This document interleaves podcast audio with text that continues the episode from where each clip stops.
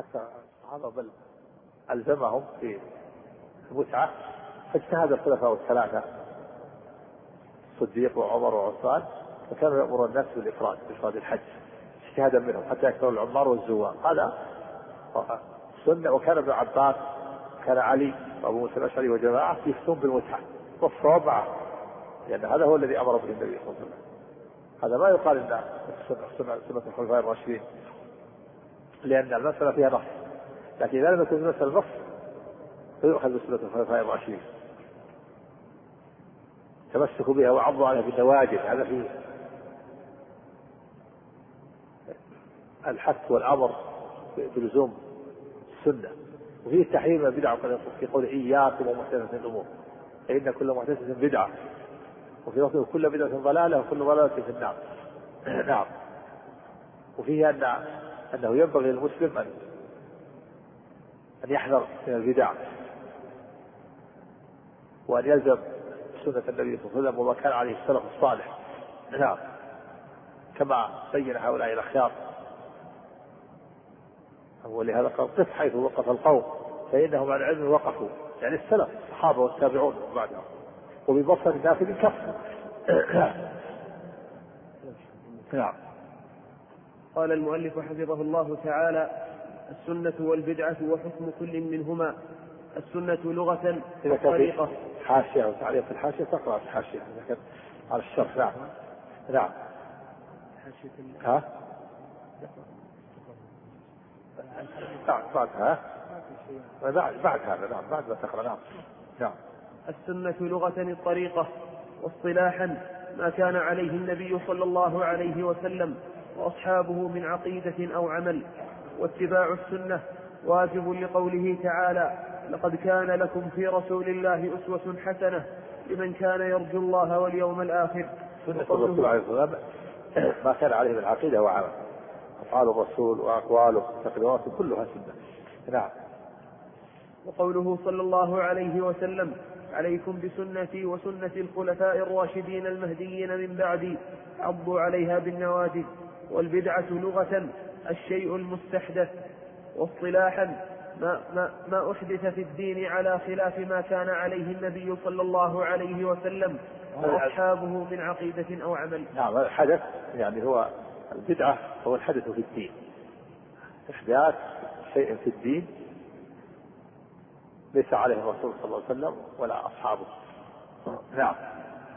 وهي حرام لقوله تعالى ومن يشاقق الرسول من بعد ما تبين له الهدى ويتبع غير سبيل المؤمنين نوله ما تولى ونصله جهنم وساءت مصيرا.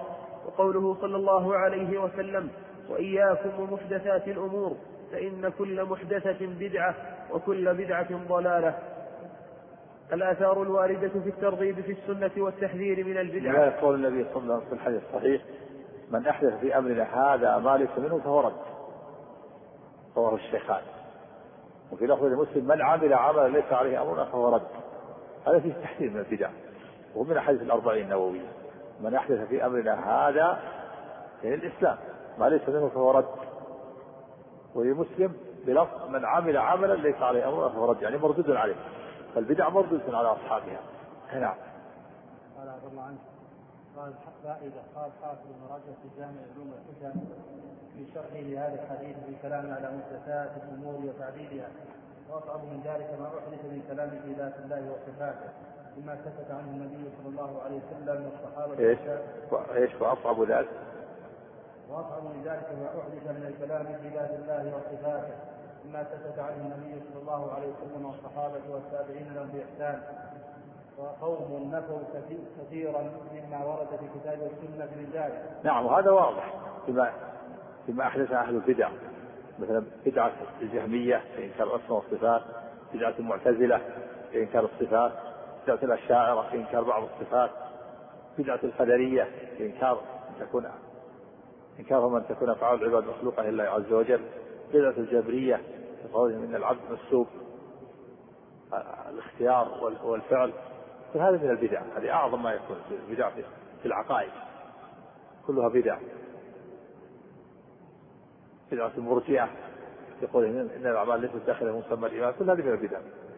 هناك بدع في الأعمال مثل بدعة المولد. بدعة المولد ومثل البدع ما يفعل في العزاء. قراءة القرآن عند القبور. قراءة القرآن وهي ثوابها مثلا صنع الطعام. عند الميت الجلوس الجلوس في بيت أهل الميت وصنع الطعام. كل هذا من البدع نعم. قوم نفوا كثيرا مما ورد في الكتاب والسنة من ذلك وزعموا أنهم فعلوا تنزيها لله عما تأخذ العقول تنزيهه عنه. وزعموا أن لازم ذلك مستحيل على الله عز وجل.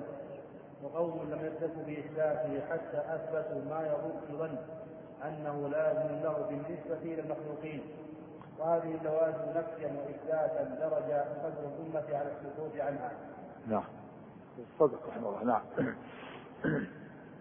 الآثار الواردة في الترغيب في السنة والتحذير من البدعة الأول من أقوال الصحابة قال ابن مسعود رضي الله عنه الصحابي الجليل المتوفى سنة 32 هجرية عن عن بضع وست وستين سنة اتبعوا أي التزموا آثار النبي صلى الله عليه وسلم من غير زيادة ولا نقص ولا تبتدعوا لا تحدثوا بدعة في الدين. فقد كفيتم أي كفاكم السابقون مهمة الدين حيث أكمل الله تعالى الدين لنبيه صلى الله عليه وسلم وأنزل قوله اليوم أكملت لكم دينكم فلا يحتاج الدين إلى تكميل الثاني من أقوال التابعين قال أمير المؤمنين عمر بن عبد العزيز المولود سنة ثلاث وستين هجرية المتوفى سنة مئة وواحد هجرية قولا يتضمن ما يأتي. أولا وجوب الوقوف حيث وقف القوم يعني بهم النبي صلى الله النبي صلى الله عليه وسلم وأصحابه فيما كانوا عليه من الدين عقيدة وعملا لأنهم وقفوا عن علم وبصيرة ولو كان فيما حدث بعدهم خير خير لكانوا به أحرى. ثانيا أن ما أحدث بعدهم أن ما أحدث بعدهم فليس فيه إلا مخالفة هديهم والزهد في سنتهم وإلا فقد وصفوا من الدين ما وإلا فقد وصفوا من الدين ما يشفي وتكلموا فيه بما يكفي. ثالثا أن من الناس من قصر في اتباعهم فكان جافيا ومن الناس من تجاوزهم فكان غاليا.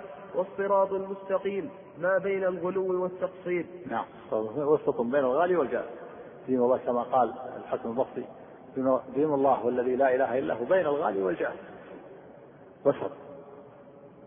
وهذه كما أن هذه الأمة وسط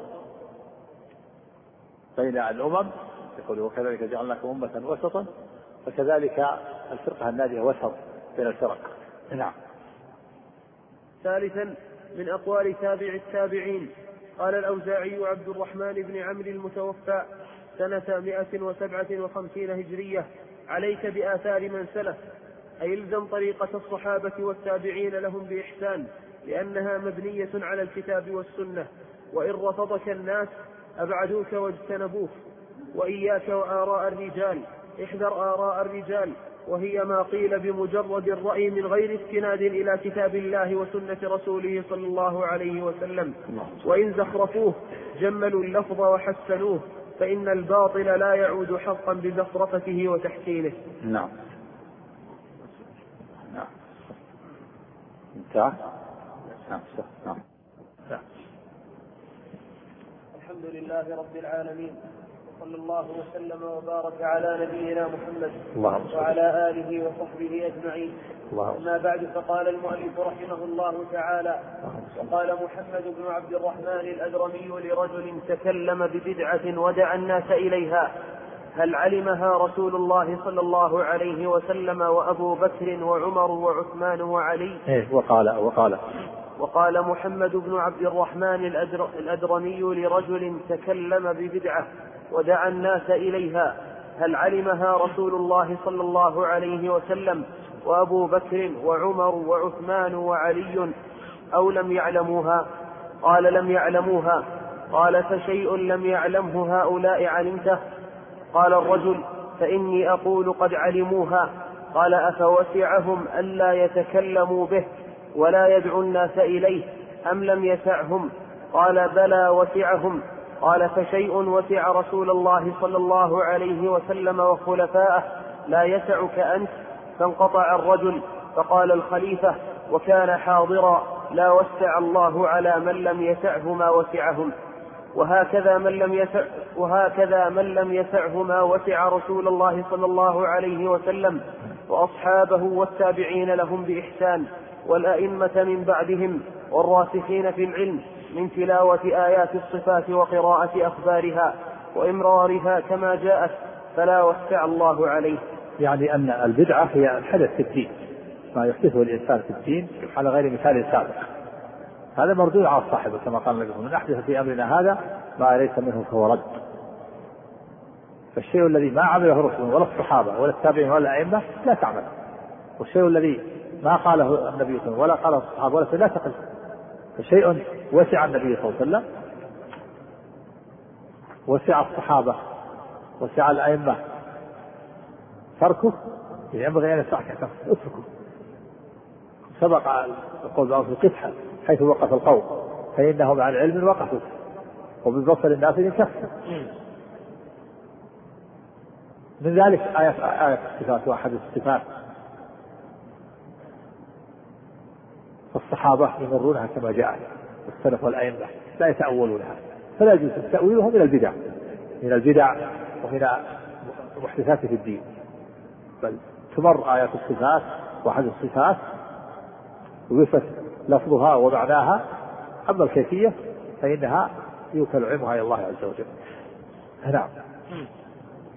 الله عنك. قصة أخرج الخطيب في تاريخ بغداد. ومن طريق ابن جوزي من طريق ابن جوزي في مناقب الإمام أحمد من طريق ابن قدامة الثوابين وأخرج الذهبي في سير أعلام النبلاء والآجري في الشريعة وأوردها ابن كثير في بداية والنهاية وقد رويت قصة مشتركين أحدهما مطور والآخر مختصر قال الحافظ الذهبي بعد ذكر طريقة مختصرة في القصة هذه قصة مليحة وإن كان في طريقة من يجهل وله شاهد. قال من؟ قال الذهبي. نعم. بعد ذكر الطريقة المختصرة في القصة. نعم. هذه قصة مليحة وإن كان في طريقها من يجهل ولها شاهد ثم ذكر لها الطريق المطول ويظهر من كلام الشيخ العثيمين حفظه الله أن في هذه القصة مباراه أربعة الأدرمي والمناظر له والخليفة الذي حضر المناظرة والبدعة التي جرت مناظرة بسببها ومن خلال التعرف على شخصية المناظر تتبين لنا بقية المبهمات.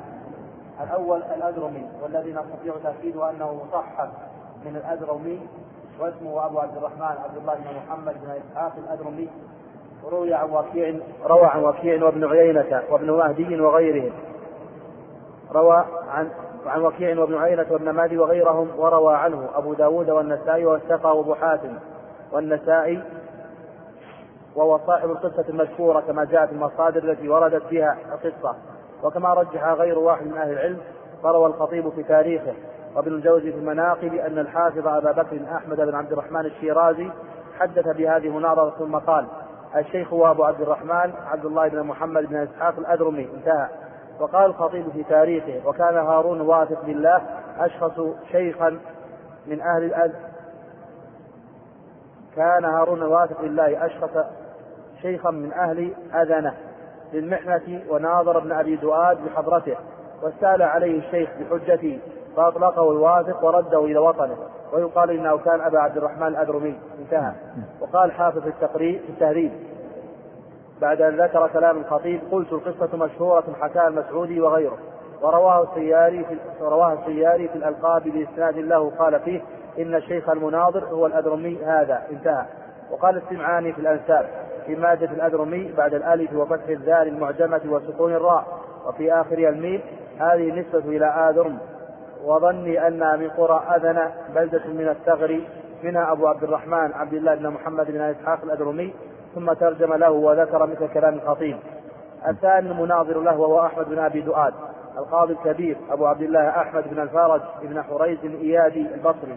البغدادي الجهمي عدو أحمد بن حنبل. كان داعية إلى خلق القرآن. كانت منزلة ومشهورة عند الخليفة المأمون والمعتصم والواثق وكان إلبا على الإمام أحمد يوم المحنة. يقول يا أمير المؤمنين اقتله هو ضال مضل. الثالث الخليفة الذي حضر المناظرة هو الواثق بالله هارون بن محمد المعتصم بالله ابن هارون الرشيد العباسي. أبو جعفر من خلفاء دولة العباسية بالعراق ولد ببغداد وولي الخلافة بعد وفاة أبيه. سنة 27 و200 الهجرية. فامتحن, فامتحن الناس في خلق القرآن وسجن جماعة. والظاهر أنه تاب عن ذلك في آخر عمره كما جاء في سياق روايات القصة التي نحن بصدد الكلام عليها. ففي آخرها قال المهتدي بالله من خليفة الواثق لله. فرجعت عن هذه المقالة وأظن أن الواثق رجع عنها منذ ذلك الوقت. وقد عنون الحافظ بن قدامة في التوابين لهذه القصة بقوله توبة الواثق بالله وابنه المهتدي بالله. وقال الحافظ الحافظ ابن الجوزي في مناقب الإمام أحمد وقد ولقد روي أن الواثق ترك امتحان الناس بسبب مناظرة جرت بين يديه رأى بها أن الأولى ترك الامتحان ثم ساق القصة بطولها. نعم نعم. مناظرة جرت عند خليفة بين الأدرمي وصاحب بدعة قال المؤلف حفظه الله لم أطلع على ترجمة للأدرمي ومن معه ولا أعلم نوع البدعة المذكورة والمهم أن نعرف مراحل هذه المناظرة لنكتسب منها طريقا لكيفية المناظرة بين الخصوم. وقد بنى الأدرمي رحمه الله مناظرته هذه على مراحل ليعبر, ليعبر من كل مرحلة إلى التي تليها حتى يفهم خصمه. المرحلة الأولى العلم. فقد سأله الأجرمي هل علم هذه البدعة النبي صلى الله عليه وسلم وخلفاؤه. قال البدعي لم يعلموها وهذا النفي يتضمن انتقاص النبي صلى الله عليه وسلم وخلفائه حيث كانوا جاهلين بما, هم من أهم بما هو من أهم أمور الدين. ومع ذلك فهو حجة على البدعي إذا كانوا لا يعلمونه. ولذلك انتقل به الأجرمي إلى المرحلة الثانية إذا كانوا لا يعلمونها فكيف تعلمها أنت؟ هل يمكن أن يحجب الله عن رسوله صلى الله عليه وسلم وخلفائه الراشدين علم شيء من الشريعة ويفتحه لك؟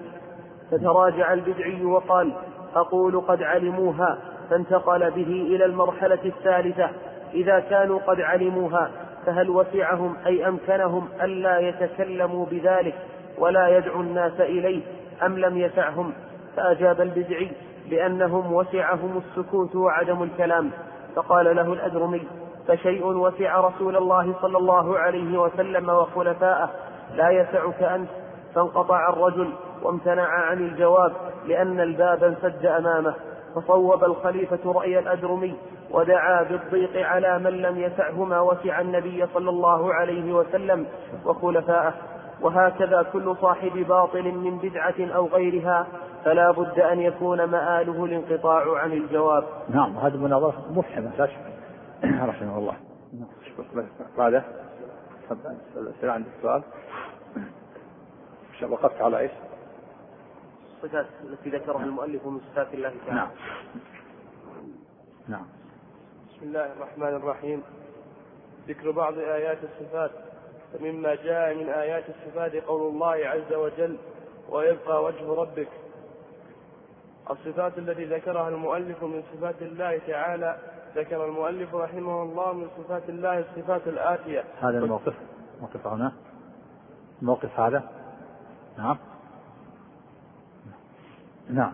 سنتكلم عليها حسب ترتيب المؤلف. الصفة الأولى الوجه. الوجه ثابت لله تعالى بدلالة الكتاب والسنة وإجماع السلف. قال الله تعالى ويبقى وجه ربك ذو الجلال والإكرام. وقال النبي صلى الله عليه وسلم لسعد بن أبي وقاص إنك لن تنفق نفقة تبتغي بها وجه الله, وجه الله إلا أجرت عليها. متفق عليه.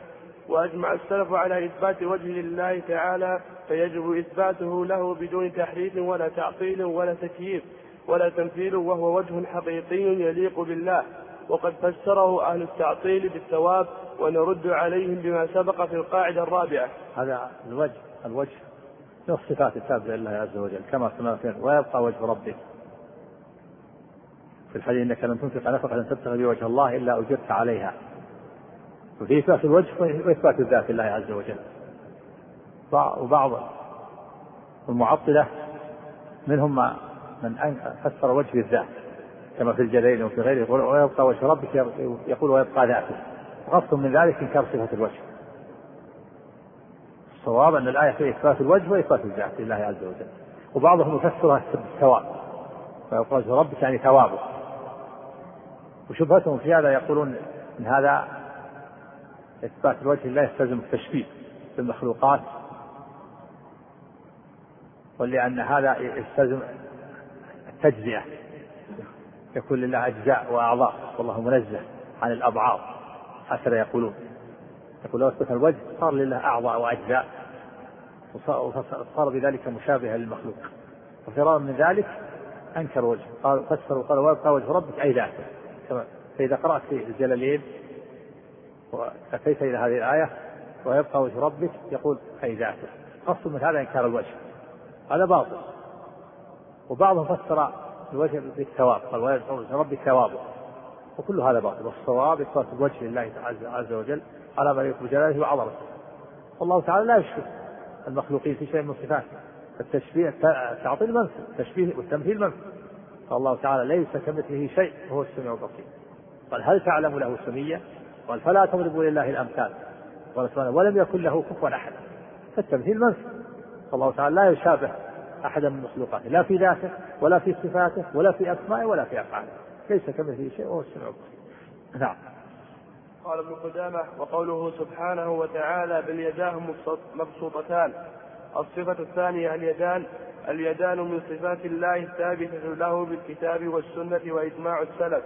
قال الله تعالى بل يداه مبسوطتان. وقال النبي صلى الله عليه وسلم يمين الله ملأى لا يغيضها نفقة سحاء الليل والنهار. إلى قوله بيده الأخرى القبض يرفع ويخفض. رواه مسلم والبخاري معناه. نعم واليدان لله ثابتتان في القرآن والسنة. كما قال بل يداه مبسوطتان. وقال ما منعك أن تسجد لما خلقت لما خلقت بيدي. يدان ثابتتان حقيقتان.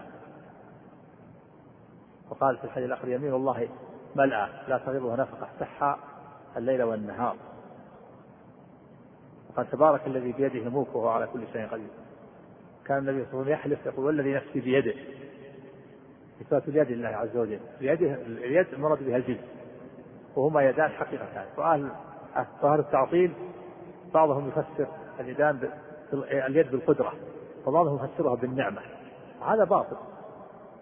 لأنه لأن تفسيرها بالقدرة معناه لما خلقت بيدي يعني بقدرتين. القدرة مثنات وكذلك النعمة بنعمتين. هذا باطل. نعم الله كثيرة. ليست اثنتان. يفسد المعنى. والصواب الذي دلت عليه النصوص والذي عليه أهل السنة والجماعة إثبات اليدين لله عز وجل كما يليق بجلاله وعظمته. يدان حقيقتان. لا يشابهه سبحانه وتعالى فيها احدا من خلقه. نعم فتفسير اليد بالقدرة أو بالنعمة هذا هو سبيل أهل التأويل وأهل التحريف. نعم.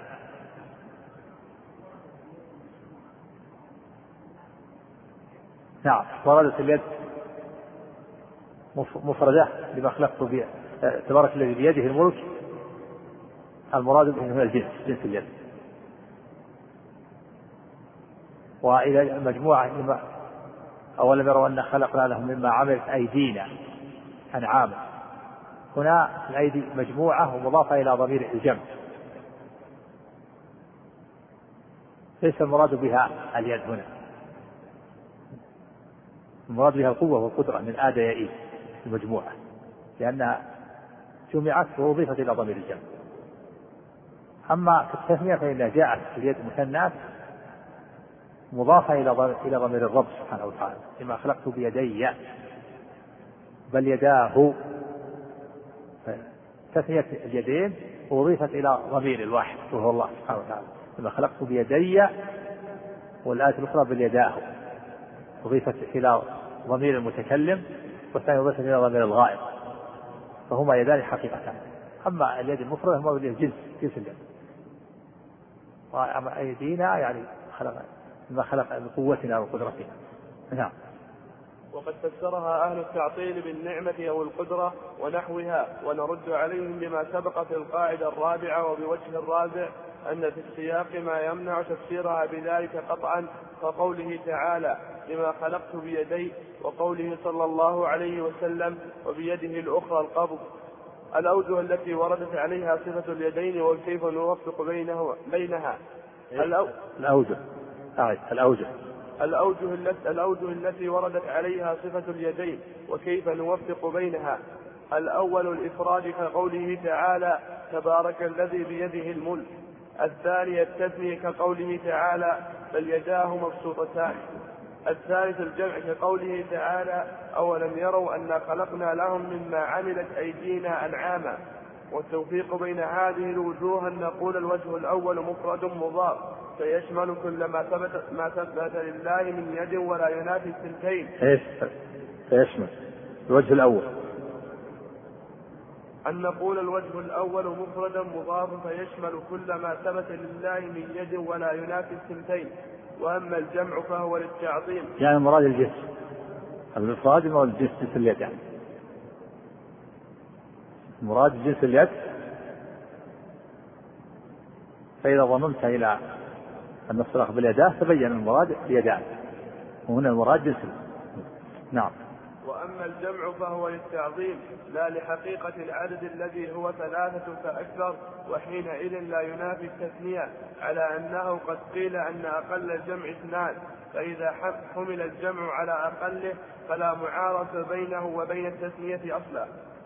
وقوله تعالى إخبارا عن عيسى عليه السلام أنه قال تعلم ما في نفسي ولا أعلم ما في نفسك وهذا الآية في إثبات النفس لله عز وجل. وأن الله نفس حقيقية تعلم ما في نفسي ولا أعلم ما في نفسك يقول تعالى ويحذركم الله نفسا في إثبات أن لله نفسا. وهو سبحانه وتعالى له نفس. وهي قريب معنى الذات كما ذكر هذا الشيخ الإسلام ابن تيمية وغيره. الله تعالى له نفس الحقيقية وله ذات حقيقيه كما قال كما في الحديث في قصة إبراهيم إنه لما كذب ثلاث كذبات قال يجادل بهن عن في ذات الله. ثلاث كذبات في ذات الله. وقال خبيب لما قتل وذلك في ذات الإله وإن يشاء. يبارك على اوصال خلو ممزع ولست أبارك إن أقتل مسلما على أي جنب كان في الله مصراي وذلك في ذات الإله وإن يشاء. يبارك على أوصال شلو الممزع قال وذلك في ذات الإله. أثبت الذات. فالنفس المراد هو إثبات النفس وأن الله نفس حقيقية نعم. لا تشبه أنفس المخلوقين. نعم. الصفة الثالثة النفس. النفس ثابتة لله تعالى بالكتاب والسنة وإجماع السلف. قال الله تعالى كتب ربكم على نفسه الرحمة. وقال عن عيسى إنه, إنه قال تعلم ما في نفسي ولا أعلم ما في نفسك وقال النبي صلى الله عليه وسلم سبحان الله وبحمده عدد خلقه ورضا نفسه وزنة عرشه ومداد كلماته. رواه مسلم. وأجمع السلف وقال تعالى قال تعالى ويحذركم الله نفسه. نعم. وأجمع السلف, وأجمع السلف على ثبوتها على الوجه اللائق به. وأجمع وأجمع السلف. وأجمع السلف على ثبوت على ثبوتها على الوجه اللائق به. يعني ثبوت النفس لله عز وجل. نعم. فيجب إثباتها لله من غير تحريف ولا تعطيل ولا تكييف ولا تمثيل. وقوله سبحانه وجاء ربك. وقوله تعالى هل ينظرون إلا أن يأتيهم الله. فهذا فيه إثبات المجيء والإتيان لله ومن الصفات الفعلية على ما يليق بجلال الله وعظمته. وجاء ربك والملك صفا صفا يوم القيامة. هل ينظرون إلا أن يأتيهم الله في ظلل من الغمام والملائكة وقوم الأمر. هذا من الصفات الفعلية. هو فعل يفعله سبحانه كما يليق بجلاله وعظمته المجيء والإتيان لا يشبه مجيء المخلوق ولا إتيان المخلوق. نثبت المجيء والإتيان ولا نكيف لا نقول إنه كمجيء المخلوق كإتيان المخلوق أنه يلزم منه الحركة والانتقال أو لا يلزم. نقول نثبت المجيء والإتيان لله على ما يكون جلاله وعظمته نعم. الصفة الرابعة المجيء مجيء الله للفصل بين عباده يوم القيامة ثابت بالكتاب والسنة وإجماع السلف. قال الله تعالى وجاء ربك. وقوله هل ينظرون إلا أن يأتيهم الله؟ وقال النبي صلى الله عليه وسلم حتى إذا لم يبق إلا من يعبد الله أتاهم رب العالمين. حتى إذا لم يبق إلا من يعبد الله أتاهم رب العالمين. متفق عليه. يعني في يوم القيامة. حسب الله خلائق في الحديث أن أنه قال لتكفى كل أمة ما تعبد. فمن كان يعبد الشمس يتبع من كان يعبد الشمس يعبد يتبع الشمس من كان يعبد القمر يعبد القمر من كان يعبد النجوم يعبد النجوم. ويلقون في النار. حتى تبقى هذه الأمة وفيها منافقوها فيأتيهم الله تعالى. في إثبات الإمتحان نعم. في حديث طويل وأجمع السلف على ثبوت المجيء لله تعالى فيجب إثباته له من غير تحريف ولا تعطيل ولا تكييف ولا تمثيل وهو مجيء حقيقي يليق بالله تعالى. وقد فسره أهل التعطيل بمجيء أمره ونرد عليه بما سبق أهل التعطيل هو جاء ربك يعني جاء أمره. ولهذا تجد صاحب الجلالين عند تفسير الآية قال وجاء ربك يقول أي أمره هذا تأويل. الصواب أن أن هذا وصف لله وأن المجيء لله وصف لله يجيء الرب سبحانه وتعالى بنفسه يجيء الله. مجيئا يليق بجلاله وعظمته لا يشبه المخلوقين. نعم. مجيء حقيقي يليق بالله تعالى وقد فسره أهل التعطيل بمجيء أمره ونرد عليهم بما سبق في القاعدة الرابعة. قال ابن قدامة وقوله تعالى رضي الله عنهم ورضوا عنه. وهذا في إثبات الرضا لله عز وجل. إثبات الرضا وأنه صفة من صفات الله كما يليق بجلاله وعظمته. لا يشبه المخلوقين. وأهل البدع فسروه بالثواب. قال رضي الله عنه اعتابه وهذا باطل. الثواب أثر من أثر الرضا ليس هو الرضا. الرضا صفة لله ومن أثر الرضا الثواب. فالله تعالى إذا رضي عليهم أثابهم فالثواب أثر من أثار الرضا وليس هو الرضا. فأهل البدع يفسرون بأثر بالأثر. ورضي الله عنهم أي أثابهم. وهذا هذا إنكار تأويل الصفة.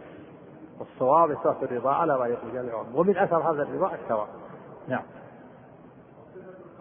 الرضا.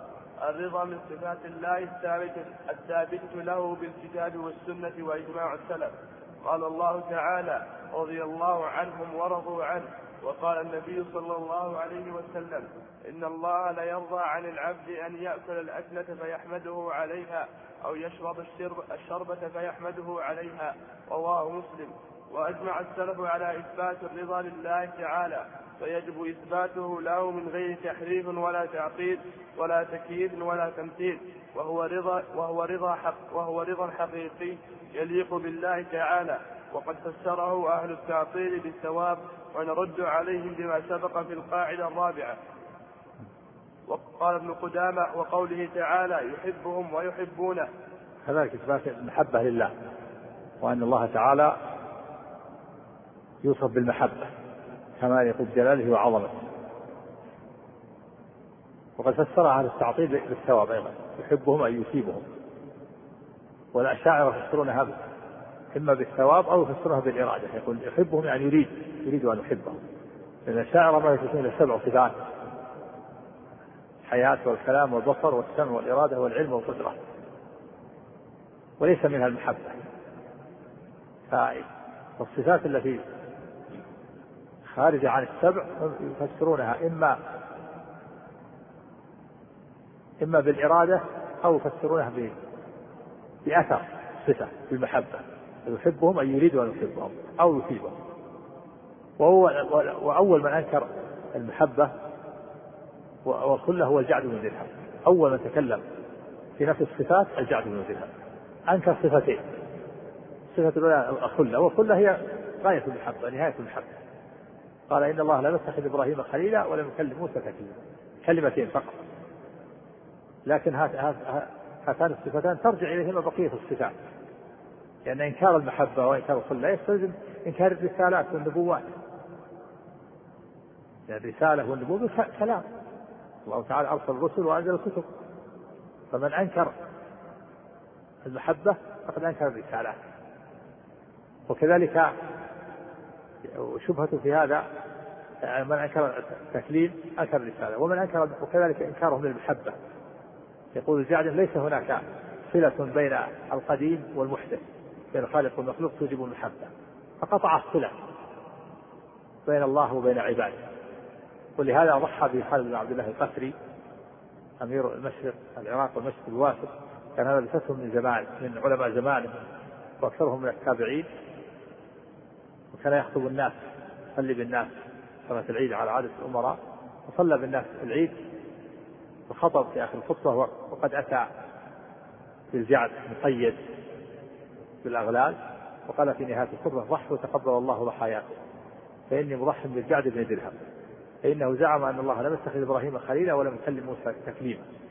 ثم نزل وذبح بالسكين أمام الناس.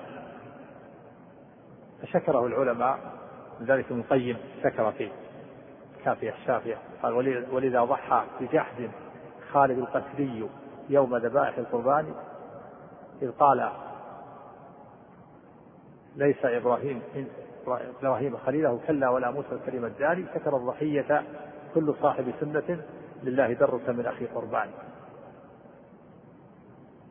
وكان إنكاره لهاتين الصفتين الخلة اللي هي نهاية المحبة والتكليف وكان قد اتصل به الجهم فالجهم توسع في عقيدة نفي الصفات وأنكر الصفات ونشر المذهب على نطاق أوسع فنسب إليه مذهب فقيل مذهب الجهمية. وإلا الأصل أن يقال مذهب الجعدية لكن الجعد قتل قبل أن يستفحل أمره نعم. الثالث المحبة. المحبة من صفات الله الثابتة له بالكتاب والسنة وإجماع السلف. نعم. قال الله تعالى فسوف يأتي الله بقوم يحبهم ويحبونه. وقال النبي صلى الله عليه وسلم يوم خيبر لأعطين الراية غدا رجلا يحب يحب الله ورسوله ويحبه الله ورسوله.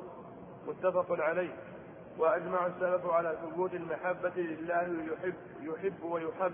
فيجب إثبات ذلك حقيقة من غير تحريف ولا تعطيل ولا تكييف ولا تمثيل. فمن قال أن المحبة الإرادة أو الثواب فقد حرف وهو من المحرفين نعم. وهي محبة حقيقية تليق بالله تعالى وقد فسرها أهل التعطيل بالثواب والرد والرد عليه بما سبق في القاعدة الرابعة قال ابن قدامة وقوله تعالى في الكفار وغضب الله عليهم كذلك إثبات الغضب لله كما يليق بجلاله وعظمته فالغضب وصف يليق بالله جل وعلا. لا يشبه غضب المخلوق. غضب المخلوق غليان جانب القلب بطلب الانتقام. والله تعالى منزه عن مشابهة المخلوقين. والغضب يليق بجلاله وعظمته. من أثر الغضب الانتقام. وفي الحديث في حديث الشفاعة إن ربي غضب اليوم غضبا لم يغضب قبله مثله ولن يغضب بعده مثله. وأهل البدع أهل التحريف يفسرون الغضب بالانتقام. وهذا غلط هذا تحريف. لأن الانتقام أثر من أثر الغضب ليس هو الغضب أثر من أثر الصفة. والصواب الذي عليه المحققون السنة والجماعة إثبات الغضب وصف الغضب لله على ما يقول جلاله وعظمته هو من الصفات الفعلية. نعم.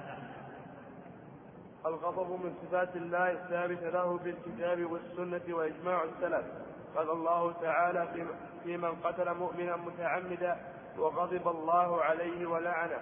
وقال النبي صلى الله عليه وسلم إن الله كتب كتابا عنده فوق العرش إن رحمتي تغلب غضبي متفق عليه. وأجمع السلف على ثبوت الغضب لله فيجب إثباته من غير تحريف ولا تعطيل ولا تكييف ولا تمثيل وهو غضب حقيقي يليق, يليق بالله.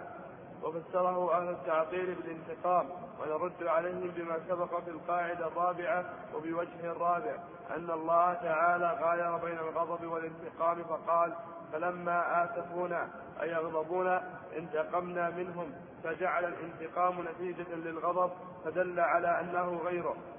قال ابن قدامة وقوله تعالى اتبعوا ما أسخط الله. وفق الله الجميع طاعته ورزق الله الجميع علما نفعا واصحابه صلى الله عليه وسلم. لله رب العالمين.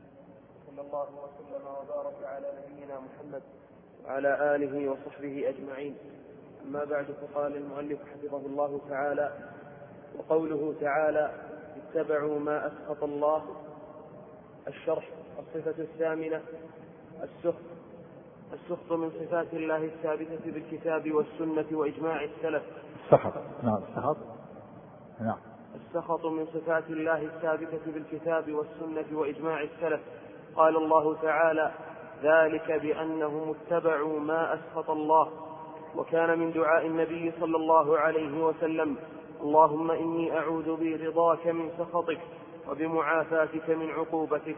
الحديث رواه مسلم. وأجمع السلف على ثبوت السخط لله فيجب إثباته له من غير تحريف ولا تعطيل ولا تكييف ولا تمثيل وهو سخط حقيقي يليق بالله وفسره أهل نعم التعطيل. سخط صفة من صفات الله من الصفات الفعلية. أن سخط الله عليهم وفي العذاب هم خالدون. أن سخط الله عليهم وفي العذاب هم خالدون صفة اليهود. ذلك بأنهم اتبعوا ما أسخط الله وكرهوا رضوانه فأحبط أعمالهم. جاء صفة السخط في عدة آيات كما سمعنا. والسخط من الصفات الفعلية التي تتعلق بالمشيئة والاختيار.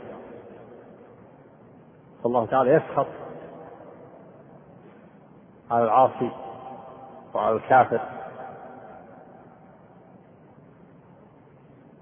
فإن الصفات الفعلية التي تتعلق بالمشيئة والاختيار وسخط الله ليس كسخط المخلوق لأن صفة الخالق تليق به وصفة المخلوق تليق به. فيجب إثباتها لله مع اعتقاد أن أن الله تعالى لا يماثل أحدا من خلقه لا في صفاته ولا في ذاته ولا في أسمائه ولا في أفعاله سبحانه وتعالى. كما قال سبحانه ليس كمثله شيء هو السميع البصير. قال سبحانه هل تعلم له سميا؟ قال تعالى فلا تضربوا لله الأمثال. نعم. وفسره أهل التعطيل بالانتقام. ونرد عليهم بما نعم سبق التفسير بالانتقام هذا تفسير. بأثر الصفة. الانتقام أثر أثر الصفة وليس هو الصفة. إذا سخط الله على العبد انتقم منه. الانتقام أثر من أثر الصفة وليس هو. هذه عادة أهل التأويل. يفسرون الصفة. بالأثر. كما فسروا الغضب أيضا بالانتقام وفسروا الرضا بالثواب. والثواب ليس هو الرضا بينما أثر من الرضا والانتقام ليس هو السخط وليس هو الغضب بل هو أثر. نعم. وقوله تعالى ونرد عليهم. ونرد عليهم بما سبق في القاعدة الرابعة. وقوله تعالى كره الله انبعاثهم الصفة التاسعة الكراهة. الكراهة من الله لمن يستحقها ثابتة بالكتاب والسنة وإجماع السلف. قال الله تعالى ولكن كره الله انبعاثهم. وقال نعم الكراهة الكراهة كذلك من الصفات الفعلية. قال النبي صلى الله عليه وسلم إن الله كره لكم قيل وقال. الكراهة من الصفات الفعلية يعني تتعلق بالمشيئة والاختيار. فالله تعالى كره انبعاثهم انبعاث المنافقين ولكن كره الله انبعاثهم. فثبطهم وقيل اقعدوا مع القاعدين. في الحديث إن الله كره لكم ثلاثة. قيل وقال وكيف السؤال. هذه من الصفات الفعلية؟ مثل السخط ومثل الغضب التي تتعلق بالمشيئة والاختيار ويتلق بجلال الله وعظمته. لا يشبه سبحانه وتعالى المخلوق. كراهة المخلوق تليق به وكراهة الخالق تليق به. فالخالق له صفة تليق به والمخلوق له صفة تليق به. نعم. وقال النبي صلى الله عليه وسلم إن الله كره لكم قيل وقال وكثرة السؤال وإضاعة المال. رواه البخاري. وأجمع السلف على ثبوت ذلك لله فيجب إثباته من غير تحريف ولا تعطيل ولا تكييف ولا تمثيل. وهي كراهة حقيقية من الله تليق به. وفسر يعني لا. لا لا يتمثل بصفات المخلوق ولا تتحرك. ولا تؤول يقال معناها الكراهة معناها الانتقام وتفسر بشيء لا تتحرف ولا تمثل لا يقال انها تمثل انها تماثل كراهة المخلوق ولا تتحرف فيقال إن معناها الانتقام. لا تحريف ولا تمثيل ولا تكييف ولا يقال إن كراهة الله كيفيتها كذا وعلى كذا وعلى كذا. لا تكيف ولا تحرف ولا تمثل. نعم. وفسر أهل التعطيل الكراهة بالإبعاد ونرد عليهم بما سبق في القاعدة الرابعة. يعني كره الله امرأة قالوا أبعدها نعم. ذكر بعض أحاديث الصفات ومن السنة قول النبي صلى الله عليه وسلم ينزل ربنا تبارك وتعالى كل ليلة إلى سماء الدنيا. الصفة العاشرة النزول. نزول الله إلى السماء الدنيا من صفاته الثابتة له بالسنة وإجماع السلف. قال النبي صلى الله عليه وسلم ينزل ربنا إلى السماء الدنيا حين يبقى ثلث الليل الآخر فيقول من يدعوني فأستجيب له. أستجيب. من يدعوني فأستجيب له. الحديث متفق عليه.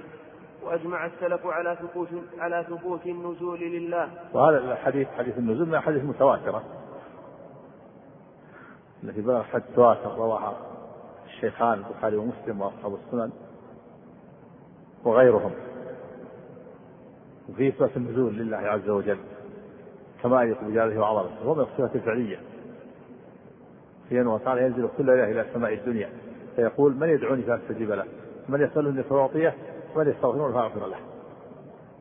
وهذا النزول يليق بجلال الله وعظمته لا يشبه المخلوق في نزوله.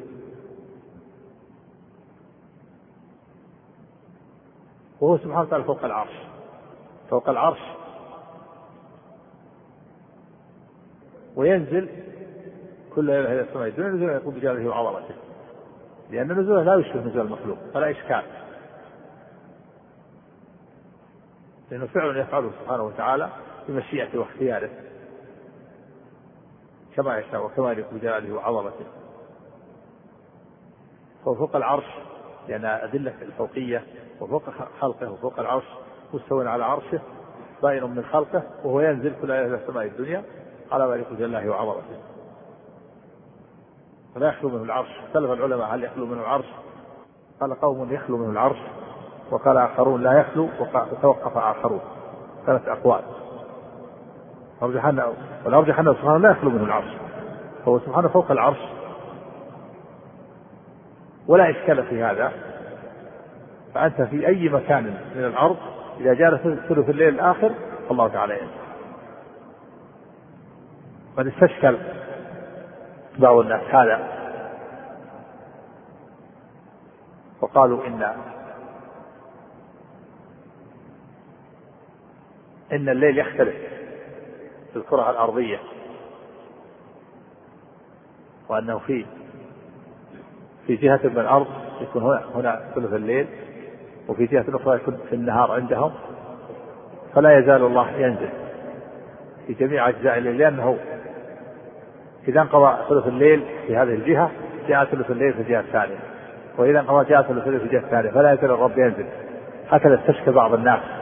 وهذا ناشئ عن كونهم شبهوا الخالق بالمخلوق ما فهموا من نزول الخالق إلا كما يفهمون من نزول المخلوق. فلهذا أشكل عليه. قال كتب أبو العباس شيخ الإسلام ابن تيمية رحمه الله رسالة عظيمة في هذا سماها شرح حديث النزول رد على هؤلاء. هذا سائل سأل. كتب هذا الكتاب العظيم شرح حديث النزول مجلد. وبين رحمه الله أن النزول صفة تليق بجلال الله وعظمته وأن هذا الإشكال الذي قاله بعض الناس ناشئ عن كونهم شبهوا نزول الخالق بنزول المخلوق. فلذا أشكل عليه لكن نقول إن الله ينزل كما يقول جلاله وعظمته لا نكيف. لا ندري ما كيفية النزول. وعلى هذا فالله ينزل كما يقول جلاله وعظمته فأنت في أي مكان من الدنيا إذا جاء ثلث الليل الآخر فهذا وقت التنزل الله نعم. وأجمع السلف على ثبوت النزول لله فيجب إثباته له من غير تحريف ولا تعطيل ولا تكييف ولا تمثيل. نعم. قد أول بعض بعض المعطلة قالوا ينزل ينزل أمره. قال بعضهم قالوا ينزل ينزل ملك. هذا تأويل باطل. صواب أن أن الرب تعالى ينزل. هذا وصف لله. ليس وصف للملك. نزوله هو سبحانه ليس نزول أمره. أمر الله ينزل في كل وقت.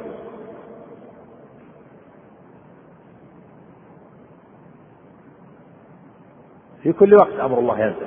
ليس مخصص بثلث الليل الآخر.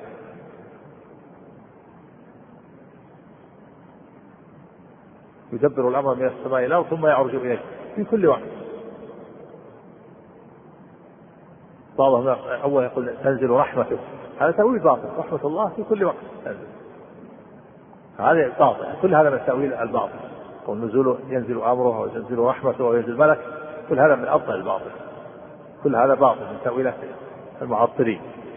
الصواب أن الله تعالى هو الذي ينزل. هذا وصف لله. نزولا يليق بجلاله وعظمته لا يشبه المخلوقين في نزوله. نعم. وهو نزول حقيقي يليق بالله. نعم. وفسره أهل التعطيل بنزول أمره أو رحمته أو ملك من ملائكته. ونرد عليهم بما سبق في القاعدة الرابعة وبوجه الرابع أن الأمر ونحوه لا يمكن أن يقول من يدعوني فأستجيب له. إيش وبإيش؟ وبوجه الرابع. وبوجه الرابع أن الأمر ونحوه لا يمكن أن يقول من يدعوني فأستجيب له. إلى آخره. نعم. لو كان الملك كما يقول نزل ملك. هل الملك يستطيع أن يقول من يدعوني فأستجيب له؟ من يسألني فأعطيه من يستغفرني فأغفر له؟ هل يمكن أن يقول ملك؟ هل يجرؤ مخلوق يقول هذا الكلام؟ لا يمكن. هذا كلام الله. يقول من يدعوني فأستجيب له من يسألني فأعطيه من يستغفرني فأغفر له. هذا كلام الله. فلا يمكن أن يقول ملك من الملائكة من يدعوني فأستجيب له. ما يقدر أن يقول هذا مخلوق. نعم. وقوله يعجب ربك من الشاب ليست له صبوة. هذا في حديث إثبات صفة العجب. وهو كما يقول بالله وعظمته من الصفات الفعلية أيضا. ليس كعجب المخلوق. يعجب ربك من الشاب ليست له صبوة يعني الشاب ملتزم بطاعة الله وليس له صبوة انحراف. لأن الغالب أن أن الشباب له نزوة. فإذا التزم الشاب بطاعة الله فهذا يعجب الله منه. كما في الحديث الآخر سبعة يظلهم الله في ظله يوم لا ظل إلا ظله. وذكرهم شاب نشأ في عبادة الله. فالعجب ثابت.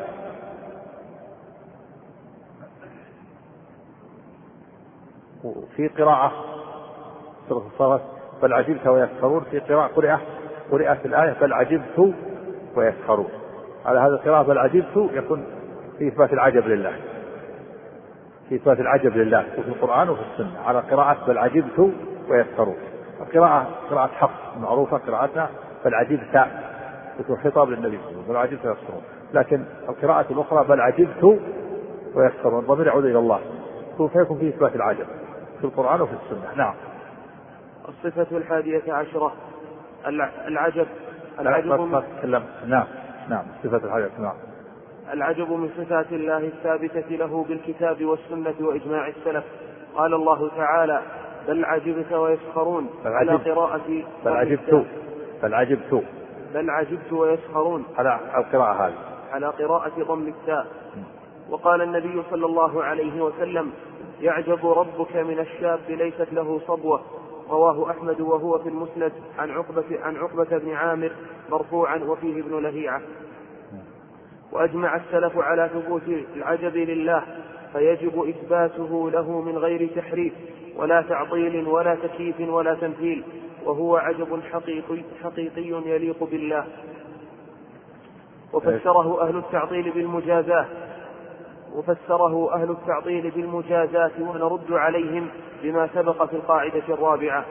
والعجب نوعان إحداهما أن يكون صادرا عن خفاء الأسباب على المتع على المتعجب على المتعجب فيندهش له ويستعظمه ويتعجب منه. وهذا النوع مستحيل على الله لأن الله لا يخفى عليه شيء. والعجب؟ والعجب نوعان. والعجب نوعان. إحداهما أن يكون صادرا عن خفاء الأسباب على المتعجب فيندهش له ويستعظمه ويتعجب منه وهذا النوع مستحيل على الله. هذا عجب المخلوق. هذا عجب المخلوق. عجب خاص بالمخلوق. نعم. لأن الله لا يخفى عليه شيء.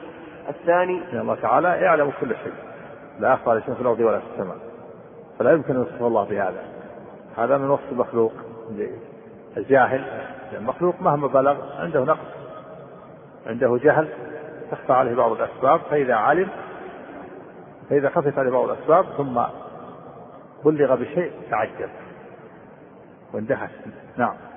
الثاني أن يكون سببه خروج الشيء عن نظائره أو عما ينبغي أن يكون عليه. مع علم المتعجب وهذا هو الثابت لله تعالى. والثاني؟ الثاني. أن يكون سببه خروج الشيء عن نظائره أو عما ينبغي أن يكون عليه مع علم المتعجب وهذا هو الثابت لله تعالى. وقوله يضحك الله إلى نعم. مجازات الإنسان. مجازات يعني إجازة. إجازة الجزاء يكون بالثواب أو بالعقاب جاز على صنيعه. يعني فأعجب ربك يعني يجازيهم ويثيبهم. يعني المجازات هي الجزاء. الله تعالى يجازي العباد يوم القيامة بالثواب وبالعقاب. فالثواب مجازات والعقاب مجازات. نعم. نعم. نعم. طيب لا بأس. كثيرة؟ باقي الآن. عندك ها؟ تستكمل الصفة هذه. ها؟ انت صفة ثانية. إيش بعده؟ ضحك. طيب الحمد لله رب العالمين. صلى الله وسلم وبارك على نبينا محمد. وعلى آله وصحبه أجمعين. أما بعد فقال المؤلف حفظه الله تعالى وقوله يضحك الله إلى رجلين قتل أحدهما الآخر ثم يدخلان الجنة. الصفة الثانية عشرة الضحك. الضحك من صفات الله الثابتة له بالسنة وإجماع السلف. قال النبي صلى الله عليه وسلم يضحك الله إلى رجلين يقتل أحدهما الآخر يدخلان الجنة. وتمام الحديث. يقاتل هذا في سبيل الله فيقتل ثم يتوب الله على القاتل فيستشهد. متفق عليه. نعم وهذا حديث ثابت عن النبي صلى الله عليه وسلم في إثبات الضحك الله كما يليق بجلاله وعظمته. صفة الضحك لكن ليس كضحك المخلوق ضحك يليق بجلال الله كما أن سمعه وبصره وعلمه وقدرته تليق به سبحانه وتعالى ولا يشبه ولا يماثل أحد من خلقه في ذلك فكذلك الضحك. لا يشبه ضحك المخلوق. وفي بيان الحديث رحمه الله إلى رجلين يقتل أحدهم الآخر كلاهما يدخل الجنة. يعني كافر ومسلم. يقتتلان. فيقتل الكافر المسلم. فيكون مسلم شهيد. ثم يتوب الله على الكافر فيسلم ويموت على الإسلام. فكلاهما دخل الجنة. القاتل والمقتول نعم. وأجمع السلف على إثبات الضحك لله. فيجب إثباته له من غير تحريف ولا تعطيل ولا تكييف ولا تمثيل وهو ضحك حقيقي يليق بالله تعالى. وفسره أهل التعطيل بالثواب ونرد عليهم بما سبق في القاعدة الرابعة. نعم تفسير بالثواب هذا تأويل تأويل باطل الضحك غير الثواب. الثواب أثر من آثار الضحك. فالله تعالى يثيبهم هذا أثر. لكن الضحك وصف يليق بالله وعظمته. لا يكيف وليس كضحك المخلوق وليس هو الثواب. نعم. الضحك صفة من صفة الله والثواب مخلوق نعم.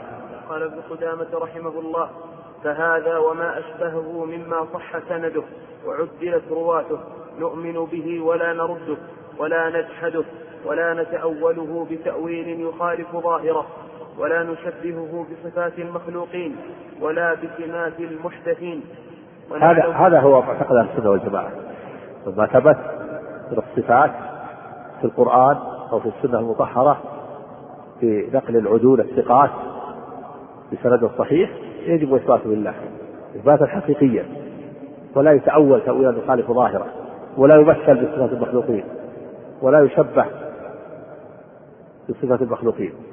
بل نؤمن نثبت الصفة وأنها صفة حقيقية لله صفة الله بها كما يليق بجلاله وعظمته لا يماثل أحدا من خلقه. كما قال سبحانه ليس كمثله شيء وهو السميع البصير. نعم. ونعلم أن الله سبحانه وتعالى لا شبيه له ولا نظير. ليس كمثله شيء وهو السميع البصير. نعم التمثيل منفي النصوص ليس كمثله شيء وهو السميع البصير. وقال سبحانه هل تعلم له سميا؟ وقال سبحانه فلا تضربوا لله الأمثال. وقال سبحانه ولم يكن له كفوا أحد. التمثيل باطل. الله تعالى لا يمثل أحدا من خلقه. له صفات تليق به وأسماء تليق به والمخلوق له صفات تليق به وأسماء. كما أن الله تعالى له ذات لا تشبه ذات المخلوقين فله صفات لا تشبه صفات المخلوقين. نعم. وكل ما تخيل في الذهن أو خطر بالبال فإن الله تعالى بخلافه. يعني كل شيء يخطر بذلك تتخيله صفات الله الله تعالى بخلاف ذلك. تتخيل ذات الله على كيفية تتخيل صفاته على كيفية فالله بخلاف ذلك. فالله تعالى لا يتخيل في الأذهان ولا لا يمثل في الأذهان هو سبحانه وتعالى لا يمثل أحدا من خلقه. هو سبحانه فوق السماوات مستوى العرش بائر بخلقه لا يشبه أحدا من خلقه ولا يمكن أن يشبه. كل ما يخطر ذلك من التشبيه فالله بخلاف ذلك. نعم. ومن ذلك قوله تعالى الرحمن على العرش استوى. الصفة الثالثة عشرة الاستواء على العرش استواء الله على العرش من صفاته الثابتة له بالكتاب والسنة وإجماع السلف. نعم هذا الاستواء ثابت في القرآن العظيم في سبعة مواضع. كلها صرح الله تعالى فيها بالاستواء وأتى بكلمة على التي تدل على على العلو ثم استوى على العرش. في سورة الأعراف وفي سورة يونس وفي سورة الرعد وفي سورة طه وفي سورة الفرقان وفي سورة السجدة وفي سورة الحديد. في سبع سور سبع مواضع كلها فيها التصحيح في آية الأعراف إن ربك الله الذي خلق السماوات في ستة أيام ثم استوى على العرش. سورة الله الذي رفع السماوات والأرض ترونها ثم استوى على العرش. في سورة طه الرحمن على العرش استوى في سورة يونس إن ربكم الله الذي خلق السماوات والأرض في أيام ثم استوى على العرش. في سورة الفرقان ثم استوى على عرش الرحمن فاسأل به خبيرا. في سورة تنزيل السجدة الله الذي خلق السماوات والأرض وما بينهما في أيام ثم استوى على العرش. في سورة الحديد كذلك هو الأول والآخر والظاهر والباطن وهو بكل شيء هو الذي خلق السماوات والأرض في ستة أيام ثم استوى على العرش. يعلم ما يفعل كلها فيها التصريح بالاستواء على العرش بأداة على التي تدل على العلو والارتفاع. والسنة جاءت بذلك. ومع ذلك أنكر الاستواء أهل التعطيل وأهل التحريف. تأولوا. قالوا بعضهم قال المراد الاستواء معناها الغلبة والإستيلاء. هذا من أبطل الباطل نعم الاستواء معناه في اللغة معروف هو الاستقرار والصعود والعلو والارتفاع. كما قال الإمام مالك رحمه الله الاستواء معلوم. لما سئل الإمام مالك سأله رجل وهو في الحلقة قال له يا أبا عبد الله يقول الله تعالى الرحمن على استوى كيف استوى؟ فأطلق مالك وعلته الرحضاء العرق ثم نظر إلى الرجل فقال الاستواء معلوم. والكيف مجهول والإيمان به واجب والسؤال عنه بدعة ولا أراك إلا رجل السوء ثم أمر به فأخرج من مجلسه. رجل مبتدع. وهذا يقال في جميع الصفات. الاستواء معلوم يعني معناه معلوم في اللغة العربية. فسره العلماء بهذه الكلمة الأربع استقر وعلى وارتفع وصعد. وعبارات المفسرين تدور على هذه المعاني الأربع أما كيفية الاستواء فلا يعلمه إلا الله. فالاستواء مجهول كيف؟ الاستواء معلوم في اللغة العربية معناه في اللغة العربية. والكيف؟ الكيفية مجهول والإيمان به واجب والسؤال عنه بدعة. وهذا يقال في جميع الصفات. يقال النزول معلوم والكيف مجهول والإيمان به واجب والسؤال عنه بدعة. نعم. وذكرت ها؟ المعنى اللغوي معروف. أربع أربع عبارات للعلماء. استقر وعلى وارتفع وصعد هذه المعنى اللغوي للاستواء. أما الكيفية كيفية الاستواء فلا يعلمه إلا الله. نعم. وذكر استواءه على عرشه في سبعة مواضع من القرآن. نعم. وقال النبي صلى الله عليه وسلم إن الله لما قضى الخلق كتب عنده فوق عرشه إن رحمتي سبقت غضبي رواه البخاري. نعم. وقال النبي صلى الله عليه كتب وسلم هذا كتاب كتب في كتابه فهو عنده فوق العرش. إن رحمتي سبقت غضبي. وهذا الكتاب فوقية فوقية خاصة. استثنى. وفيه أن إثبات الرحمة والغضب لله وأن رحمة الله تغلب غضبه. نعم. قول فهو عنده فوق العرش إثبات إثبات العدية وأن الله تعالى فوق العرش. نعم. وقال النبي صلى الله عليه وسلم. فيما رواه أبو داود في سننه إن بعد إن بعد إن بعد ما بين سماء إلى سماء. وقال إيش وقال وقال النبي صلى الله عليه وسلم الله. فيما رواه أبو داود في سننه نعم. إن بعد ما بين سماء إلى سماء إما واحدة أو اثنتان أو ثلاث. لعل تقف على الحديث هذا. السؤال رب العالمين وصلى الله وسلم وبارك على نبينا محمد وعلى آله وصحبه أجمعين. اللهم أما بعد فقال المؤلف حفظه الله تعالى وقال النبي صلى الله عليه وسلم فيما رواه أبو داود في سننه إن بعد ما بين سماء إلى سماء إما واحدة أو اثنتان أو, ثلا أو ثلاث وسبعون سنة إلى أن قال في العرش بين أسفل بين أسفله وأعلاه بين أسفله.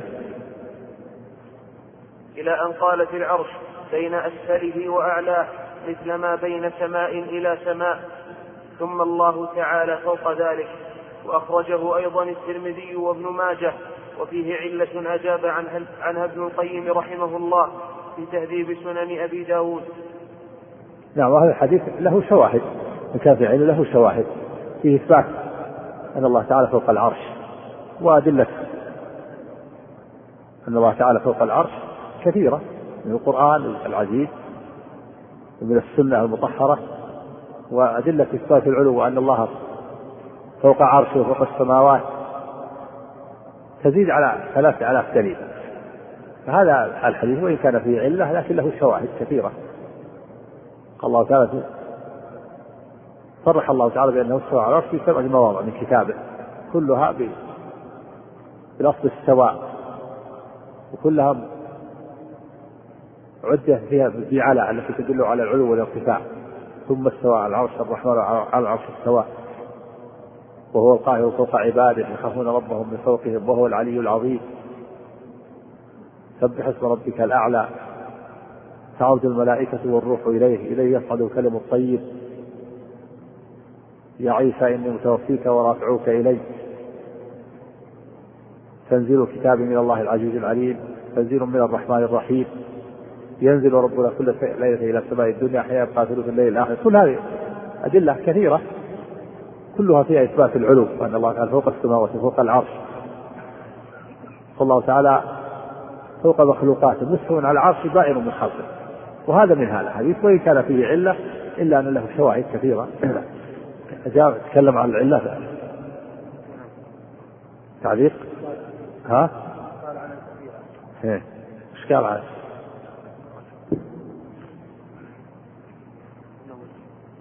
قال عن حديث ضعيف أخرجه أحمد وأبو داود والترمذي وحسنه وابن ماجه والحاكم المستدرك وعثمان الدارمي تبدع الجهمية وفي النقل على المدرسي وابن أبي عاصم بن خزيمة والآجري وذكر غيره كثيرا ثم قال ومنزي في تهذيب كمال غيره من طرق من طرق عن سماك بن حرب عن عبد الله بن عميرة عن الأحنف بن قيس عن عباس بن عبد المطلب فذكره وسنده ضعيف في أكثر من علة.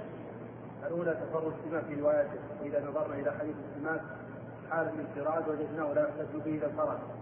ففي التهذيب قال النسائي كان ربما لقن فإذا انفرد بأرض لم يكن حجة لأنه كان يلقن فيتلقن وهذا جرح بين واضح من امام ناقص قد انفرد سماك في حديثه بذكر صفة حملة العرش. الثاني جهالة عبد الله بن عميرة وقد أعل قد أعل الحافظ الذهبي حديثه وهذا في العلوم بجهالته وفي ميزان له قال فيه جهالة قد قال الإمام البخاري لا يعرف له السماع من الحديث كذا في التاريخ الكبير. الثالث رسالة المتن قد أشار أخينا المكرر عبد الله بن يوسف في تعليقه على فتيا وجوابها. أيوه قد أشار إيه؟ أخينا المكرم عبد الله بن يوسف. في تعليقه على الفتيا وجوابها ابن عطار أن في سياق المتن نكارة من وجهين. أول تشبيه الملائكة بالسيوف بين الأوعال جمع وعد وهو سيف الجبال. وإن كان هذا اللفظ مستعار للأشراف من الناس فإنه ها هنا عن الأصل بقرينة بقرينة ذكر الأضلاف فإن من خواص ما يجتر من حيوان. لا هذا هذا المقصود أن الحديث معروف هذا كلام العلماء فيه لكن له شواهد والأدلة في إثبات العلو كثيرة. ولو لم يصح هذا الحديث فالأدلة كثيرة لا حصر لها. نعم. وأجمع السلف على إثبات استواء الله على عرشه. فيجب إثباته من غير تحريف ولا تعطيل ولا تكييف ولا تمثيل وهو استواء حقيقي معناه العلو والاستقرار على وجه يليق بالله تعالى. معناها يعني في اللغة العربية. معنى الاستواء معلوم لكن كيف هو المجهول. الاستواء معناها العلو والاستقرار والصعود والارتفاع. هذه معاني الاستواء في اللغة العربية وتدور عليها تفاسير المفسرين. الاستقرار والعلو والارتفاع والصعود. ويستقر وقد علا وارتفع وصعد. استقر وعلا وارتفع وصعد. هذه العبارات الأربع تدور على تفاسير السلف الاستواء وتدور على كلام المفسرين. هذا معنى قول الإمام مالك رحمه الله الاستواء معلوم. معلوم يعني معها الاستقرار والعلو والارتفاع والصعود أما الكيف مجهول. كيفية الاستواء على العرش لا يكيف. إنما استواء المخلوق هو الذي يكيف. مخلوق تعرف استواءه. استواءك أنت. جلوسك على الدابة أو على السطح. أما استواء الرب فلا يشابه لأن الرب لا يشابه خلقه في شيء من صفاته. لا يماثل واحدا من خلقه. قال سبحانه ليس كمثله شيء وهو السميع البصير. قال هل تعلم له سميا قال فلا تضربوا لله الأمثال. إن الله يعلم وأنتم لا تعلمون. فالله تعالى لا يماثل واحدا من خلقه لا في ذاته ولا في صفاته ولا في أسمائه سبحانه وتعالى. فلا يكيف. نعم. وقد فسره أهل التعطيل بالاستيلاء ونرد عليهم بما سبق في القاعدة الرابعة ونزيد وجها رابعا أنه لا يعرف في اللغة العربية بهذا المعنى ووجها خامسا أنه يلزم عليه لوازم باطلة مثل أن العرش لم يكن ملكا لله ثم استولى عليه بعد. نعم. لغة. وتأويل الاستواء بالاستيلاء هذا تأويل معطلة. قد رد عليهم الشيخ الإسلام رحمه الله 12 وجها في مجموع الفتاوي ورد عليه ابن القيم صواعق في 42 وجه. إبطال تأويلهم الاستواء بالاستيلاء. ومن ذلك انه أنه لا يعرف في اللغة العربية تفسير استوى باستولى وأنكر هذا أكابر أهل اللغة. خليل بن أحمد من أهل اللغة وابن الأعرابي وغيرهم سئلوا هل جاء في اللغة العربية تفسير السبب بالسولة فقالوا لا لا يعرف ذلك وكذلك يلزم يلزم عليه ملازيم فاسدة. يلزم عليه المغالبة. الاستيلاء إنما تقال في المغالبة. والله تعالى لا يغالب أحد في العرش ولا غيره. وهي ولا يقال استولى إلا في من كان عاجزا ثم غلب. والعرش لا يغالب الله في وقت من الأوقات. هذه كلها معاني باطلة لازمها الاستيلاء نعم.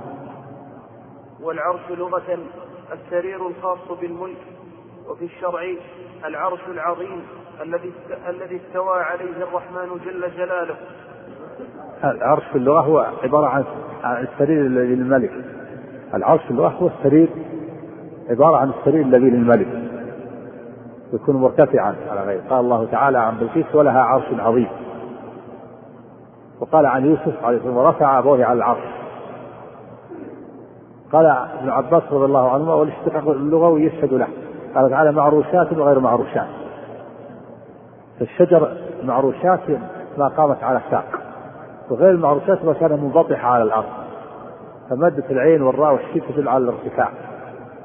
الشجر المعروش ما قام على ساق وغير المعروش ما كان منبطحا على الأرض. فالعرش سرير الملك سمي عرشا لارتفاعه عليه ولأن مقعد الملك يكون أعلى من غيره. ولهذا قال سبحانه قيس ولها عرش عظيم وقال عن يوسف وعن يوسف ورفع أبوه على العرش. هذا المعنى في اللغة. والمراد بالعرش في النصوص سرير عظيم ذو قوائم تحمله الملائكة مقبب على العالم. أضافه الرب سبحانه وتعالى إلى نفسه. يقول الله لا إله إلا هو رب العرش العظيم. هو سقف هذا العالم. سرير عظيم ذو قوائم تحمله الملائكة مقبب على العالم. هو سقف هذه المخلوقات. وأعلاها نعم.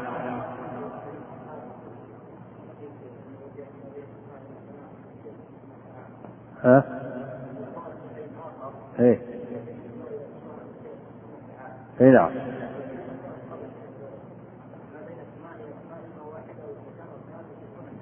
هذا الحديث فيه ضعف لكن على صحته فسره العلماء بأن هذا باختلاف السير يختلف بحسب اختلاف السير. السائر إذا كان بطيئا يكون 500 وإذا كان مجدا يكون إحدى أو ثلاثة فسره العلماء باختلاف باختلاف السير. السير يختلف في سير سريع وسير بطيء. هذا على إذا صح مع أن الحديث ضعف نعم. والعرش لغة السرير الخاص بالملك وفي الشرع العرش العظيم الذي استوى عليه الرحمن جل جلاله وهو أعلى المخلوقات وأكبرها. وصفه الله وسقفها. أعلاها وأسرها وسقفها. هو سقف هذه المخلوقات. ليس فوقه إلا الله سبحانه وتعالى. فهذا هذا العالم سقف ونهايته سقف عرش الرحمن. انتهى العالم. العالم هذا نهاية سقفه عرش الرحمن والله تعالى فوق العرش بعد أن تنتهي المخلوقات. بعد أن تنتهي المخلوقات التي سقفها ونهاية عرش الرحمن الله تعالى فوق العرش. مستوى على العرش بائن من خلقه. الرب سبحانه وتعالى بائن من خلقه. ليس في ذاته شيء من خلقه ولا في مخلوقاته شيء من ذاته سبحانه وتعالى.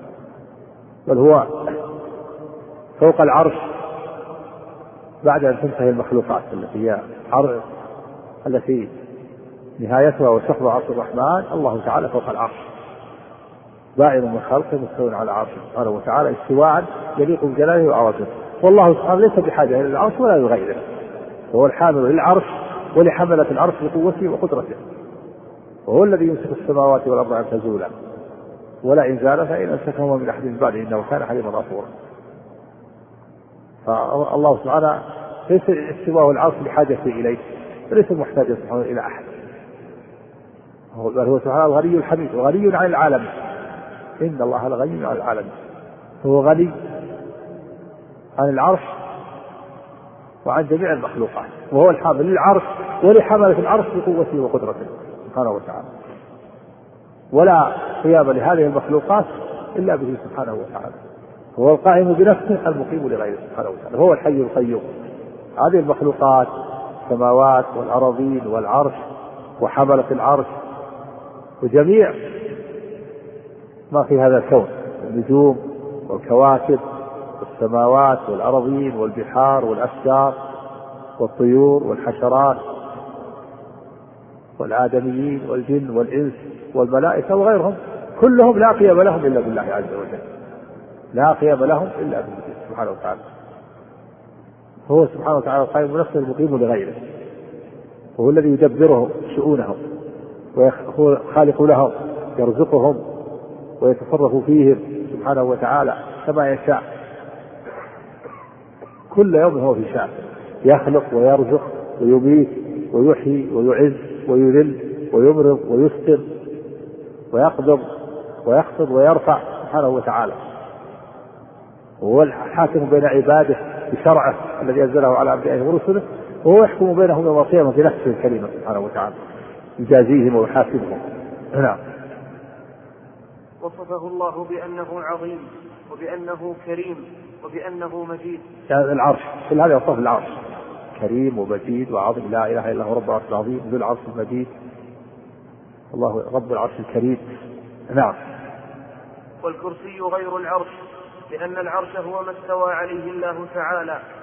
نعم الكرسي غير العرش هذا هو الصواب. وهو موضع القدمين للرب سبحانه وتعالى. وهو كالمرقاة بالنسبة للعرش. وجاء بعض العلماء أنه أنه الكرسي هو العرش لكن هذا قول ضعيف. وقيل إن الكرسي هو العلم وهذا قول باطل ليس بصحيح. لأن الله تعالى قال وسع كرسي السماوات والأرض.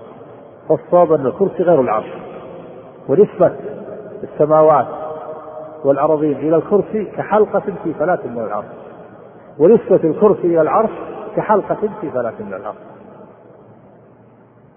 فالكرسي مخلوق عظيم. لا السماوات والأرض نسبته إليه شيء قليل. ومع ذلك فالكرسي نسبته إلى العرش شيء قليل. نعم نعم. والكرسي موضع قدميه لقول ابن عباس رضي الله عنهما الكرسي موضع القدمين. وهذا ثابت عن ابن عباس في سند صحيح أن قال الكرسي موضع قدمين والعرش لا يقدر قدره إلا الله سبحانه نعم. لقول ابن عباس رضي الله عنهما الكرسي موضع القدمين والعرش لا يقدر أحد قدره. لا يقدر قدره. والعرش لا يقدر أحد قدره. رواه الحاكم في مستدركه وقال صحيح على شرط الشيخين ولم يخرجاه. نعم. إيش بعده؟ نعم. إيش بعد؟ وقوله تعالى أأمنتم من في السماء؟ وقول نعم. الحمد لله والصلاة والسلام على رسول الله وآله وصحبه وسلم. قال ابن قدامة رحمه الله وقوله تعالى أأمنتم من في السماء. الشرف. الصفة الرابعة عشرة العلو. العلو من صفات الله الثابتة له بالكتاب والسنة وإجماع السلف. آمنتم في السماء.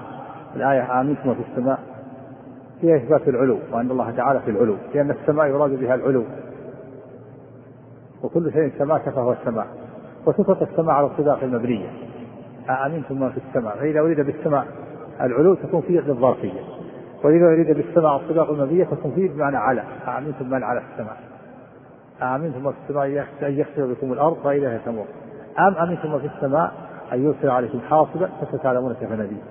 وفي الحديث ربنا الله الذي في السماء تقدس اسمه. وهو الله في السماء وهو الذي في السماء إله وفي الأرض إله. ففي ففي هذا إثبات العلو وأن الله تعالى في العلو. وله سبحانه أعلى العلو وهو ما فوق العرش. نعم. قال الله تعالى وهو العلي العظيم. وكان النبي صلى الله عليه وسلم يقول في وهذه الآية أيضا فيها إثبات العلو وهو العلي العظيم.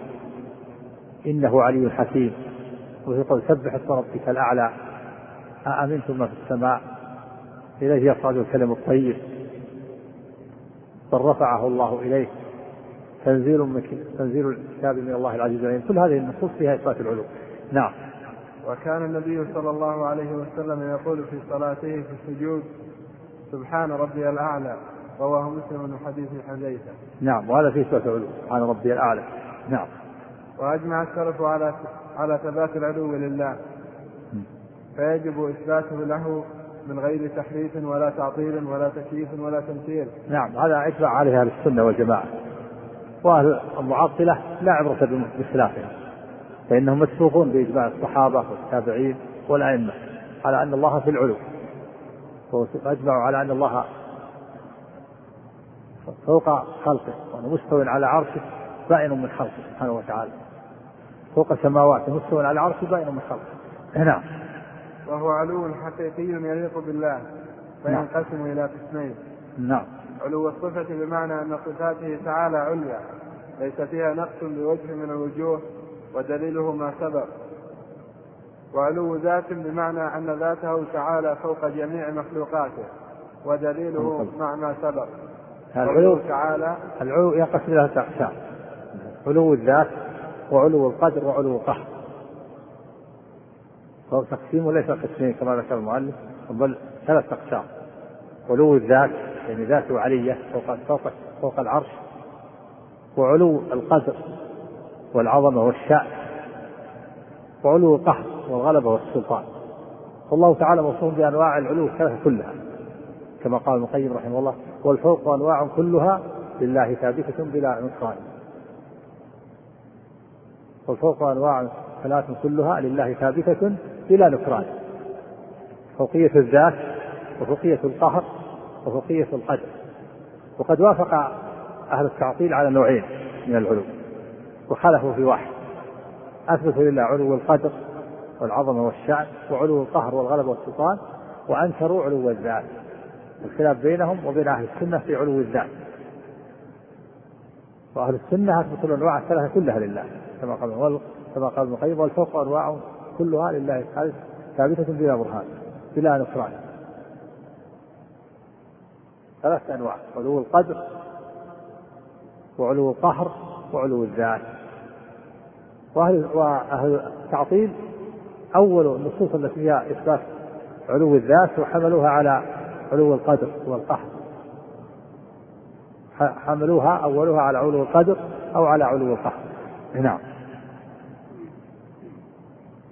ودليله مع ما سبق قوله تعالى أأمنتم من في السماء. وقول النبي صلى الله عليه وسلم ربنا الله الذي في السماء تقدس اسمه. الحديث رواه أبو داود وفيه زيادة. وفيه زيادة ابن محمد قال البخاري. إيش؟ والحديث؟ الحديث؟ رواه أبو داود وفيه زيادة ابن محمد. نعم. قال البخاري منكر الحديث. وفيه زيادة زياد وفيه إيش؟ زيادة ابن محمد. نعم. زي إيش عندك؟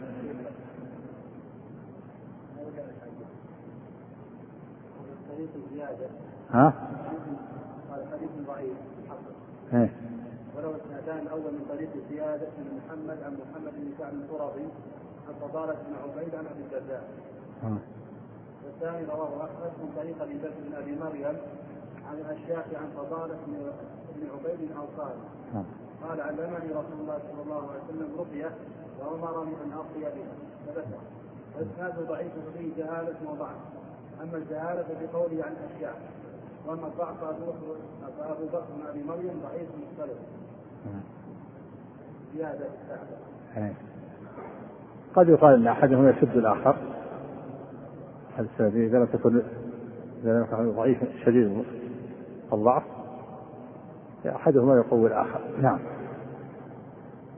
ابن قدامه رحمه الله وقول النبي صلى الله عليه وسلم ربنا الله الذي في السماء تقدس اسمه. وقال للجارية أين الله؟ قالت في السماء. قال أعتقها فإنها مؤمنة. وهذا الثاني في صحيح مسلم أي في الجارية. أين الله؟ قالت في السماء. قال اعتقها فإنها مؤمنة. وهو دليل على العلو من وجهين. وجه أنه قال أين الله؟ السؤال عن الله بأين يدل على أن الله له مكان وأنه في العلو. وأهل البدع ينكرون هذا. يقول لا يسأل عن الله بأين. ويقول معنى أين الله يعني من الله؟ هكذا يقولون. ويقول النبي سأل الجارية العجمية سألها سؤالا فاسدا على مقدار عقلها لأن ما تفهم من هذا وأقرها على جواب فاسد. وهذا من أبطل الباطل. يقول الرسول سأل سؤالا فاسد وأقر على جواب فاسد. نعوذ بالله. هكذا حملهم التأويل الباطل على هذا. يقول لا يسأل الله بعين لأن أين إنما يسأل بعين المكان؟ والله ليس له مكان. لو كان في العلو لكان متحيز. قال هو في كل مكان نعوذ بالله. وهذا من أبطل الباطل. الرسول أفصح الناس. ما يعرف يقول من من الله؟ ثم يقول معنى أين من الله. لكن لما تفهم فقال لها أين الله. فقالت في السماء أقرها على جواب كافر لأن هذا هو اللي يناسب عقلها وفهمها هكذا يقولون. وهذا من أبطل الباطل. وهذا في صحيح مسلم. وهو دليل على أن الله في العلو. من جهة في موضعين الموضوع الأول السؤال عن الله بأين والثاني أنها لما قالت السماء قال اعتقها فإنها مؤمنة شهد لها بالإيمان عليه الصلاة والسلام. نعم. قال ابن قدامة رواه مالك بن أنس ومسلم وغيرهما من الأئمة. وقال النبي صلى الله عليه وسلم لحسين كم إلها تعبد؟ قال سبعة ستة في الأرض وواحدا في السماء. قال من لرغبتك ورهبتك؟ قال الذي في السماء. قال فاترك الستة واعبد الذي في السماء. وأنا أعلمك دعوتين. فأسلم وعلمه النبي صلى الله عليه وسلم أن يقول اللهم ألهمني رشدي وقني شر نفسي وفيما نقل من علامات النبي صلى الله عليه نعم وسلم. هذا لما قال حسين كم كم تعبد؟ قال سبعة. ستة في الأرض وواحدة في السماء. قال من الذي تعد لرغبتك ورغبتك؟ قال الذي في السماء. قال فاعبد الذي في السماء واترك الستة. ثم علمها حسين كم اللهم ألهمني رشدي وقني شر نفسي. نعم. قال تخريج الحديث ضعيف الله عنه. أخرجه ابن قدامة في العلوم من طريق الذهبي في العلوم من طريق رجاء بن محمد البصري حدثنا عمران بن خالد بن قليس حدثني أبي عن أبيه عن جده مطولا وقال الذهبي عمران يعني ابن خالد ضعيف. والحديث في اسناد خالد بن قليس قال فيه الدار قطني ليس بقوي كما في لسان ميزان بن حجر بن حجر. والحديث رواه ابن خزيمة في التوحيد عن رجاء عن رجاء به وكذا عزاه بن حجر في الاصابه كما ذكر الشيخ سليم حفظه الله. نعم. نعم لكن له شواهد. قال ابن قدامة وفيما نقل من علامات النبي صلى الله عليه وسلم وأصحابه في الكتب المتقدمة أنهم يسجدون بالأرض ويزعمون أن إلههم في السماء وروى أبو داود في سننه إيش قال فيما نقل إيش؟ قال وفيما نقل من علامات النبي صلى الله عليه وسلم وأصحابه في الكتب المتقدمة أنهم يسجدون بالأرض ويزعمون أن إلههم في السماء. إيش قال عليه؟ رد عليه المؤلف حفظه الله والحق يقول ورد ذلك ضمن اثر اخرجه ابن قدامه في العلوم في إسناده إلى عدي بن عميره بن فروه المعبدي والقصة في الإصابة في في ترجمة عدي بن عميرة وذكرها الذهبي في العلوم وقال هذا حديث غريب.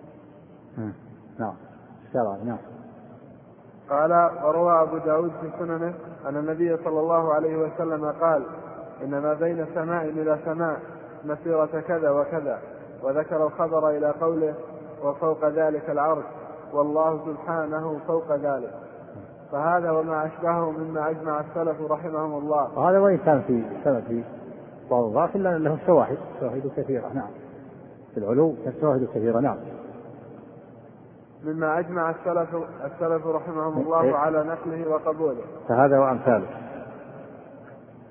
إيش؟ فهذا وأمثاله؟ فهذا وما اشباهه مما أجمع السلف رحمهم الله على نقله وقبوله. نعم. وحديث نصوص العلو تزيد على ثلاثة آلاف دليل. هي كثيرة. إذا كان في بعضها ضعف واحد أو اثنين أو ثلاثة لا يضر.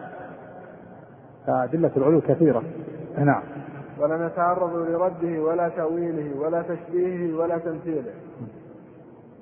قال سئل الإمام مالك بن أنس رحمه الله فقيل يا أبا عبد الله الرحمن على العرش استوى كيف استوى؟ فقال ها؟ في شيء في شيء فقط؟ لا بس بدأ بدأ في أخرى وبقي في الشرح. في الشرح؟ وقول النبي صلى الله عليه وسلم ربنا الله الذي في السماء تقدس اسمه. الحديث رواه أبو داود وفيه زيادة بن محمد. قال البخاري منكر الحديث.